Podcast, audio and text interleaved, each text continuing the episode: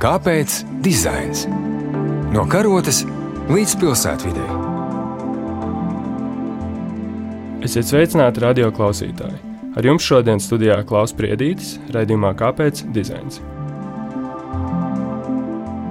Pasaki man, ko tu ēd, un es pateikšu, kas tu esi. Tā rakstījis Brijā Savarēns savā darbā Garšas fizioloģija. Var teikt, ka dizaineriem piemīt izsmalcināta garšas izjūta attiecībā pret detaļām. Šodien pievērsīsimies kādam izplatītam garšas avotam - pārtikai, tās niansēm un iespējām. Kā ierasts, aplūkosim to dizaina kontekstā, meklēsim jaunas alternatīvas pārtikas nozarē un spriedīsim, vai tās var palīdzēt risināt sociālas un ekoloģiskas problēmas. Lai par to šodien spriestu, pie mums studijā viesojas pārtikas pētniece un zinātniece, arī jaunu pārtikas produktu radītāja Ilga Gedrovica. Sveicināti! Ilga, ko ēd pārtikas zinātnieki? Pārtikas zinātnieki gluži tāpat kā ik viens cilvēks ēd ļoti dažādi, ļoti daudzveidīgi, un tas ir ļoti individuāli. Bet droši vien, ka pārtikas zinātnieki īsti nenodarbojas ar to, ko ikdienā lielākā daļa cilvēku nodarbojas. Ar ko nodarbojas pārtikas zinātnieki? Pārtikas zinātnieki, es teiktu, ir ļoti zinātnīgi cilvēki attiecībā uz pārtiku. Gan sākot ar to, kā tas izskatās, līdz visām pārējām mūsu maņām, lai patestētu, kā tas ar viņām kopā saskan un kādi ir šie kvantitīvi, kvalitatīvie rādītāji. Jo gribās saprast, kāpēc tieši tā un ne citādi. Un tad, nu, saistībā ar pārtiku un darot to laboratorijā, ir iespējams atbildēt uz šiem daudziem kāpēc. Vai darbs ir arī ar garšām? Jā, protams, tā ir sensorā vērtēšana. Tas ir vesels komplekss. Garša ir viena no mūsu maņām, viena no septiņām, un attiecīgi no zinātnes puses attiecībā uz patērētājiem un saistot to ar pārtiku. Garša ir numur viens, pēc kā mēs vērtējam produktu produktu. Neskaitot, protams, arī šo vizuālo, dizainisko, ārējo veidolu viņai. Jo tad, kad cilvēks paskatās, jā, tas izskatās labi, viņš ēd ar acīm, kā saka, un tad nākamais ir garša, kā tas garšo. Un tad ir tikai visi pārējie rādītāji, nu, akcepts tādu lietot vai nelietot uzturā. Jā, bet uh, ir arī tā uzturvērtība, kas nav īsti saistīta ar garšu. Mūsdienās tā tendence ir tāda, vismaz manā draugu lokā, ļoti sekot līdzi visādām niansēm. Kāds tas ēdiens ir? Kā ar to sanāk saskarties ikdienā? Tieši tā tas ir nākošais ļoti svarīgais rādītājs, uz kuru mēs skatāmies. Jo, ja ir akcepts no vizuālā, dizainiskā, tad attiecīgi skatāmies, jā, kas ir šim lācītam vēderā. Un šie rādītāji, kas attiecās uz uzturvielām, kas ir mums ļoti vitāli svarīgas, tad attiecīgi vai nu mēs viņu izvēlamies kā savu produktu vai nē, jo tas ir ļoti nozīmīgs faktors, respektīvi, ko mēs sevī liekam iekšā, kas attiecās uz nepieciešamībām cilvēka konkrētajā dzīvē, varbūt tas ir veselības rādītāji, varbūt kaut kāds sasniedzamie mērķi, tad attiecīgi šīm uzturvielām vēl jau vairāk pievērš uzmanību, vai nu, tiksim, tās robotumie vielas, kas varbūt ir sportistiem nepieciešams palīdzēt organismam, tad skatāmies, varbūt šķiedrvielas, vai tie ir vitamīni vai minerālās. Protams, tas ir ļoti svarīgs aspekts, kas ir tieši no uzturvērtības viedokļa šim produktam. Un ikdienā sanāk nodarboties tikai ar pārtikas pētniecību, vai arī ir kaut kādi klienti, kas nāk ar savu kaut kādu pārtikas produktu un vēlas vai nu viņu izpētīt, vai kaut ko pievienot, kaut kādu to garšu dabūt. Kāds ir šis darbs? Nu, pārtikas pētnieki sāksim ar to, ka viņi iepazīst pēc būtības, no kā veidojas mūsu produkti, mūsu šīs uzturvielas ikdienai. To ļoti labi pārzinot, vai nu mēs izpētam dziļāk un atrodot attiecīgi kādas īpašības, plusus, mīnusus konkrētam produktam, vai arī viņus kombinējot ar citām izēvielām, veidojot jaunus produktus. Un, nu, būtībā ēdam mēs visi vairāk vai mazāk zinām tās ikdienas lietojamos produktus. Pārtiks pētnieks viņš ir dziļāk un plašāk. Un tieši tas interesantais, kas teiks, man ir pašai saista kā pētnieku, kas notiks, ja viņus abus sakumbinēs kopā, skatot šai izēvielai, šim produktam ir vērtīgas īpašības un šim. Bet kā viņi kopā miedarbojās, tas ir pirmkārt liels jautājums, kā viņi kvalitāti, un arī, protams, vispārējie rādītāji. Un arī priekš pārtikas tirgus ir ļoti svarīgi patērētājs nodrošināt nepārtraukti ar kaut ko jaunu. Mēs esam tādi cilvēki, ka mums visu laiku kaut ko gribās jaunu. Neviens ražotājs patiesībā nu, nevar izdzīvot tikai ar vienu vienīgu produktu. Nu, ok, atsevišķi izņemumu gadījumus, bet būtībā viņam klāstā vienmēr kaut kas jauns arī ienāk. Šeit ļoti labi palīdz um, pārtikas pētnieks, kurš ļoti labi pārzina šīs izdevības, potenciāli ieteikt vislabāko produktu kombināciju, lai radītu ļoti kvalitatīvus produktus. Jo, ja tas produkts iet caur zinātni un, un viņš nonāk līdz patērētājiem, tā ir ļoti kvalitatīvs produkts, ļoti augstu uzturvērtību, ar kādu īpašu nozīmi un noderīgumu patērētājiem. Pat arī vienmēr strādāju, lai piedāvātu to labāko, kas varētu būt, ka tas nepaliek laboratorijā, bet tas arī nonāk līdz patērētājiem plauktos. Droši vien sanāk ārkārtīgi daudz laika pavadīt arī pie veikala plauktiem.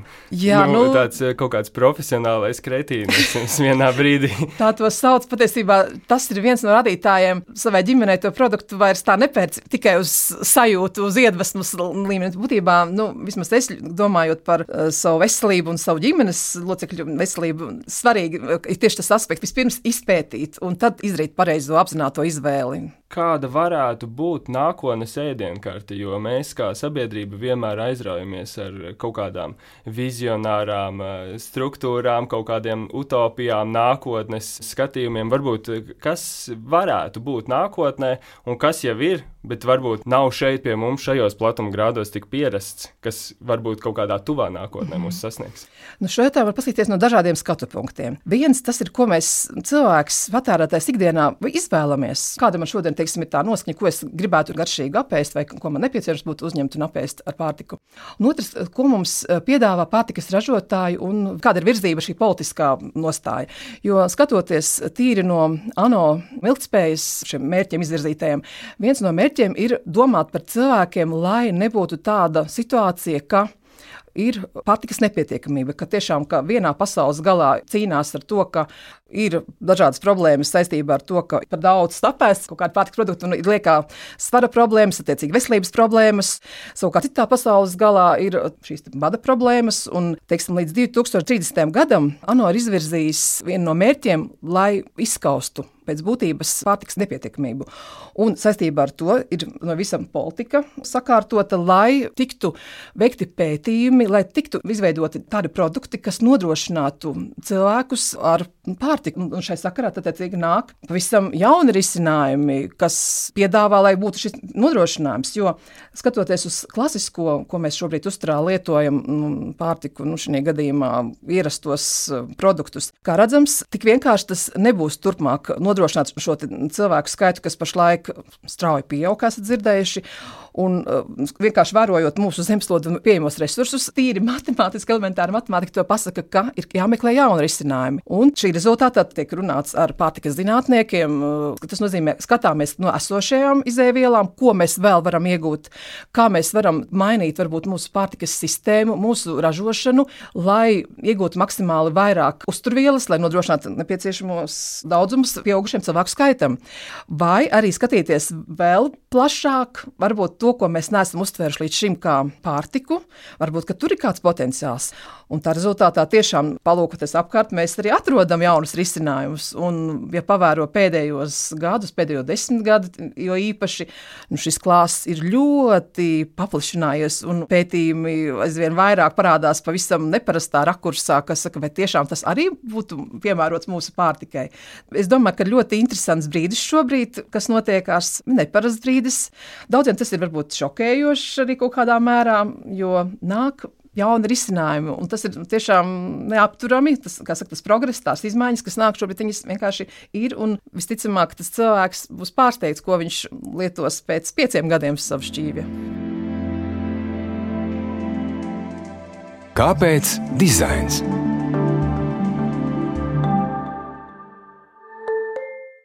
Tagad tiem klausītājiem, kas eh, šobrīd uh, ēd brokastu, varbūt nedaudz piesardzīgāk, bet mums ir uh, bagātīgi klāts brokastu galds šeit studijā. Ilga, varbūt tu vari pastāstīt, kas tad ir tā potenciālā nākotnes pārtika, kas ir jaunie pārtikas produkti, kas varētu ienākt Latvijas tirgu un kas mums šeit ir. Ja runājam par jauniem pārtikas produktiem, jārunā par tādiem produktiem, kas bagātīgi satur olbaltumvielas, jo tā ir galvenā problēma, kā mums tik pie olbaltumvielām, teiksim, pārējās uzturvielas ir iespējams diezgan vienkārši iegūt ar, ar esošiem klasiskiem produktiem, tad olbaltumvielas ar klasiskiem olbaltumiem avotiem, šī gada mēs runājam par gaļu, zivis, olas, piens, piena produkti, nu, nav tik vienkārši. Un tieši tāpēc ir jauni risinājumi, kas saistās ar tādiem kā, piemēram, mikroaļģiem, dažādiem sēņu veidiem. Un arī no ēdamajiem kukaiņiem piedāvājums ir šobrīd diezgan plašs. Un, un tas ir tas jaunais un tas neparastais, kas varētu cilvēkus zināmā mērā pārsteigt un likt domāt, vai tiešām, bet nu, pašlaik par to ir pētījumi, un, un, un, un tiešām tas arī nāk mūsu dzīvē. Šeit, protams, ir laboratorijas risinājumi, kāda pašlaik izskatās, un tas saistīts ar kukaiņiem. Ja runā par šādu veidu pārtiku, tas ir jaunums priekš mums Eiropā, jo mums piedāvā kaut ko tik neparastu kā kukaiņu pārtikai. Mums ir pilnīgi citas asociācijas. Eiropā nu jau ir četras atļautas kukaiņu sugas, kas ir um, pietiekami izpētītas un akceptētas ar to, ka viņas ir iespējams lietot uzturā. Tas ir jautājums jaunums, kas nāk, bet nu, saku, tas caur laboratoriju, jo ļoti daudz vēl kas ir jāsaprot, jāizpēta, un tad attiecīgi būs iespējams adaptēt. Kukaiņu klāsts ir ļoti plašs, vairāk kā miljonus dažādu sugu, kuras ir potenciāli lietojamas uzturā, vai ne?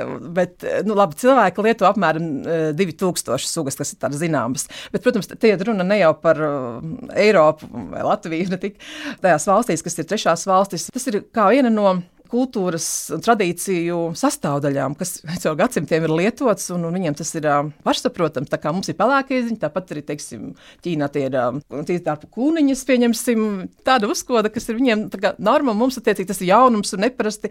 Tīri no vizuālā tas ir neparasti, bet pēc garšas mēs visticamāk atradīsim kaut kādu līdzību ar mums ierastiem produktiem. Jā, tu minēji ēdamie kukaiņi, tas sanāk, ka ārkārtīgi daudz kukaiņu arī nav ēdami.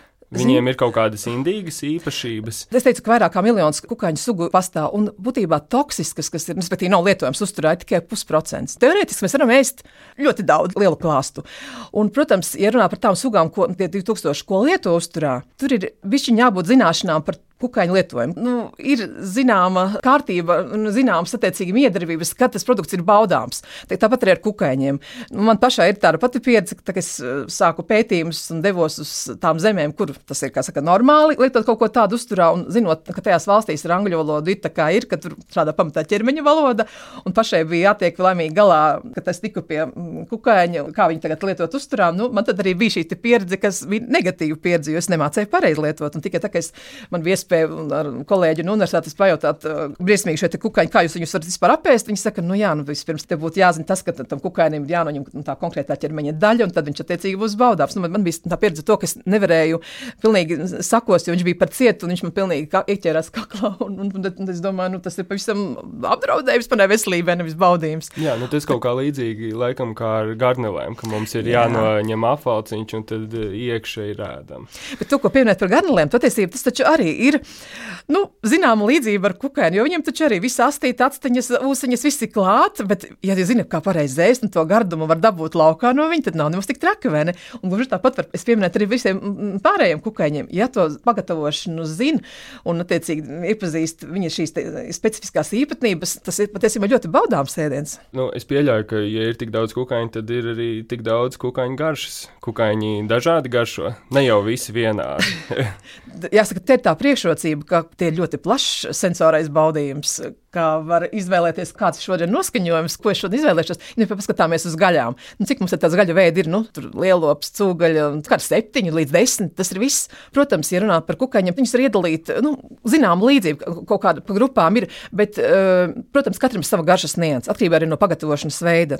Kā es teicu, mēs varam Eiropieši salīdzināt ar mums jau zināmajām garšām, un tas ir pirmais, ko cilvēks tā, patestē šo jauno produktu no kukaiņiem. Viņš saka, ah, šis ir līdzīgs kā sēkliņas, ah, šis ir līdzīgs kā riekstiņi vai šis man tur atgādina, tur grauzdētus, tur attiecīgi tur kaut kādas citas čipšus, vai būtībā cilvēks slēg meklē to līdzi, un tad, kad viņš atrod, tad viņš arī labāk viņu akceptē. Tā reakcija lielākajai daļai cilvēku pirmajā brīdī no tā pilnīgi noraidošā nē līdz, ah, nav tik slikti. Tad, cilvēks viņu ir pagaršojis un atradzis kaut kādu pazīstamu lietu, veicot šos pētījumus no gadiem, sakot, līdz kā tie patērētāji uzvedās attiecībā pret šāda veida produktiem. Ja, teiksim, pirms pāris gadiem nu, bija kaut kāda 3-5%, saka, jā, es momentā esmu gatavs kaut ko tādu sākt lietot, faktiski nu, 10% ir gatavi kaut kam jaunam. Tagad jau par šiem gadiem jau ir 3% tiksim vairāk, jau elastīgāk šī attieksme, jau, jau atvērtāka. Bet, protams, tur ir dažādi faktori, kas to ietekmē, kāpēc tieši tā tas ir noticis. Un, jā, piemēram, cilvēkam varbūt ar to vizuālo ir problēmas, kā tas kukainis izskatās, tad ir jau tā opcija laikam viņu pulverītī samalt un pievienot kā garšvielu, jo izskatās, ka tu esi atnesis arī tādas kā kukaiņu garšvielas. Jā, nu par to ir tas stāsts. Mēs ēdam ar acīm. Tas dizains, tas vizuālais produktam ir milzīga nozīme. Nu, būtībā tas mums uzreiz pasaka, vai es kaut ko tādu gribēšu vai negribēšu lietot savā uzturā.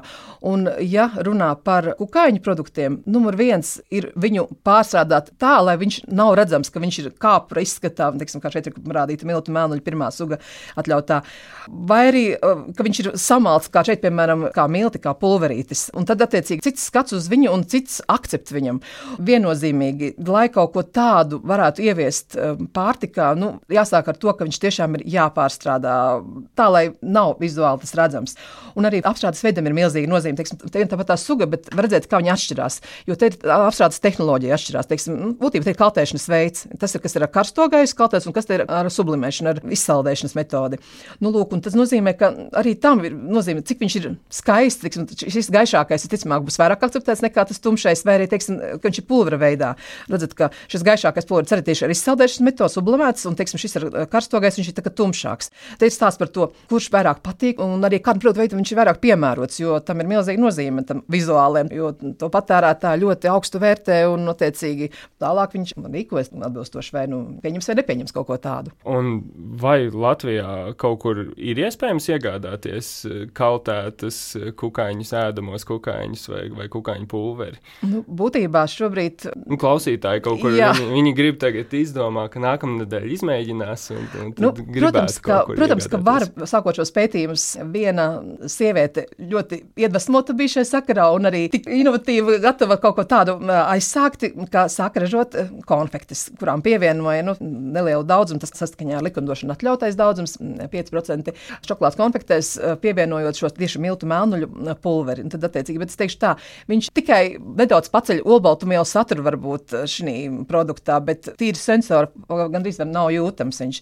Būtībā, ja tas cilvēku interesē, vislielākais klāsts, protams, ir Eiropā, skatoties internetu veikalos, visticamāk, varētu iegādāt, ka šie tik drosmīgi ar kaut ko tādu pamēģināt. Bet, protams, Latvijā tāda ražošana vēl nekas tāds nozīmīgs nav aizsākts, izņemot šīs konfliktus. Nu, tagad es dzirdēju, ka viņi arī mēģina likt makaronos, bet nu, tas ir tiešām vairāk cilvēkiem uz tādu nu, testēšanu, varbūt tas nav gluži ikdienas produkts. Jā, tas vairāk ir pamēģināt, kā tas garšo, jo, es saku, tas solis starp nē, nekad līdz, oh, nav tik slikti, ir ļoti tūs, un, un patērētāji pagaršo, viņi saka, nu jā, nu, ļoti līdzīgi ierastiem produktiem, un, un par to tiek patiesībā arī domāts. Tagad arī skatoties, ko mm, mēģina piedāvāt patērētājiem, šo kukaiņu kukaiņu pulveri pamatā pievienot tādiem produktiem, kas cilvēkiem ir bieži lietoti un, un tādi akceptējami. Tas, teiksim, gatavojot saldumus, uzkodas, eh, nezinu, miltu izstrādājumos, eh, varbūt, teicīgi, varbūt kaut kādos mm, gaļas aizstāju produktos.